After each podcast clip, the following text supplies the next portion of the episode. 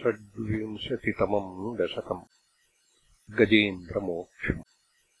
इन्द्रद्युम्नः पाण्ड्यखण्डाधिराजस्त्वद्भक्तात्मा चन्दनाद्रौ कदाचित् त्वत्सेवायाम् मग्नधीरालुलोके नैवागत्यम् प्राप्तमातिथ्यकामम् कुम्भोद्भूतिः सम्भृतक्रोधभारः स्तब्धात्मा त्वम् हस्तिभूयम् भजेति। शप्त्वाथैवम् प्रत्यगात्सोऽपि लेभे हस्तीन्द्रत्वम् त्वत्स्मृतिव्यक्तिधन्यम्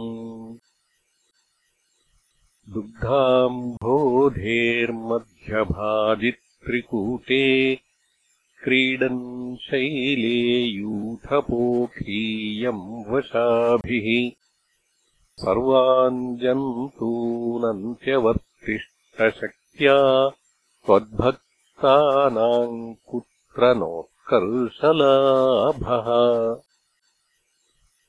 स्वेन स्थेम्ना दिव्यदेशत्वशक्त्या सोऽयम् खेदान प्रजानन् कदाचित् शैलप्रान्ते घर्मतान्तः सरस्याम् यूथैः सार्थम् त्वत्प्रणुन्नोऽभिरेमे ऊहूस्तावत् देवलस्यापि शापात् ग्राहीभूतस्तज्जले वर्तमानः जग्राहैनम् हस्तिनम् पाददेशे शान्त्यर्थम् हि श्रान्तिदोषि स्वकानाम्। त्वत्सेवाया वैभवाद्दुर्निरोधम् युध्यन्तम् तम् वत्सराणाम् सहस्रम् प्राप्ते काले त्वत् पदैकाग्र्यसिद्ध्यै नक्राक्रान्तम् हस्तिवर्यम् यथात्वम्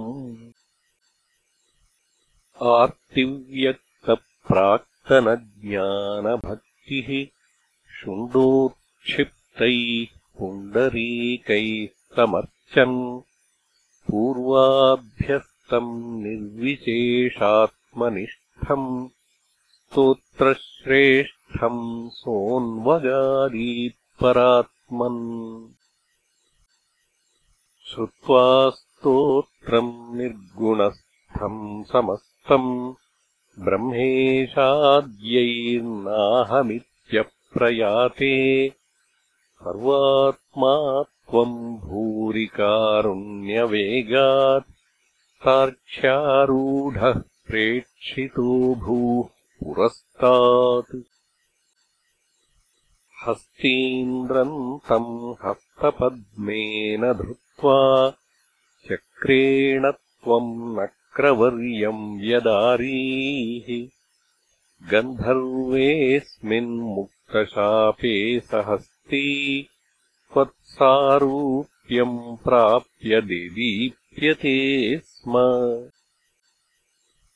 एतद्वृत् पाञ्चमाम् च प्रगेयो गायेत्सोऽयम् भूयसे श्रेयसे स्यात्। इत्युक्त्वैनम् तेन सार्थम् गतस्त्वम् धिष्ण्यम् विष्णो पाहि वातालयेश